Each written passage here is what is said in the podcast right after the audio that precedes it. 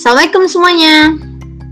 Entah kalian dengar ini pagi, siang, sore, atau malam, semoga semuanya dalam lindungan Allah Subhanahu wa taala. Salawat serta salam selalu tercurah pada baginda kita Nabi Muhammad Shallallahu alaihi wasallam kepada keluarganya, sahabatnya dan umatnya hingga akhir zaman. Nah, guys, pekan ini kita akan mengangkat tema yang sangat menarik, menarik yaitu kemuliaan Al-Qur'an. Pada tahu gak nih? Yuk, biar pada lebih tahu, kita bahas bareng-bareng. Pada salah satu ayat Al-Quran, tepatnya Quran Surat Al-Waqi'ah ayat 77 sampai 80, Allah Subhanahu wa Ta'ala berfirman, yang artinya, sesungguhnya ia benar-benar adalah bacaan sempurna yang sangat mulia pada kitab yang terpelihara Lauhul Mahfuz. Tidak ada yang menyentuhnya kecuali hamba-hamba Allah yang disucikan. Diriwayatkan dari Tuhan semesta alam. Dari ayat yang terdapat dalam surat Al-Waqi'ah tersebut, maka akan ditemukan beberapa sifat ke keagungan dari Al-Quran. Yang pertama adalah Fat Karim, yang menurut Quraisy Shihab digunakan untuk menggambarkan terpenuhnya segala yang terpuji sebagai objek yang disifatinya. Al-Quran sebagai kitab yang mulia, istimewa, karena dalamnya terdapat tuntutan yang jelas dan komprehensif hingga bukti-bukti kebenarannya ada sepanjang masa dan sifat ini menjadi pembeda dari kitab-kitab lainnya.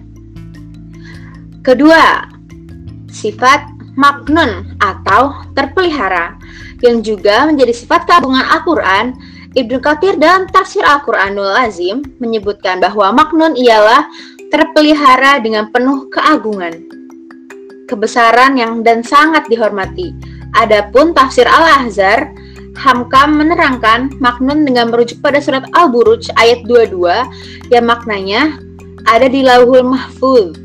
Ia melanjutkan bahwa tidak sembarang orang yang bisa mencapai tempat luhur tersebut, melainkan mereka yang telah suci dalam artian kesucian hati. Ketiga, terpelihara kesuciannya. Ini menegaskan bahwa tidak ada yang boleh menyentuhnya kecuali mereka yang dalam kondisi suci. Keempat, diturunkan dari sisi Tuhan. Ini merupakan bentuk sanggahan dari tuduhan bahwa ayat-ayat ini turun dari jin atau setan yang sedang mengganggu Nabi Muhammad Shallallahu Alaihi Wasallam. Wahbah Az-Zulaihi dalam tafsir Munir mensifati Al-Quran dengan diturunkan secara gradual atau berangsur-angsur. Ini pula yang menjadikan keistimewaan Al-Quran dibandingkan kitab-kitab samawi lainnya yang diturunkan ke umat manusia secara utuh. Nah, guys, dari sini kita tahu kan betapa istimewanya Al-Quran. Bahkan keistimewaannya itu gak akan luntur. Bayangin loh guys, gak akan luntur dan gak akan dimakan oleh waktu. Keren banget ya sih? Kalian bangga gak nih punya kita seistimewa ini? Harus dong. Dan yang lebih utamanya lagi nih, Al-Quran adalah pedoman hidup kita loh. Yuk kita hafalkan dan pahami.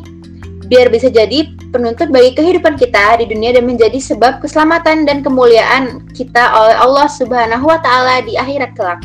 Sampai jumpa minggu depan. Wassalamualaikum warahmatullahi wabarakatuh.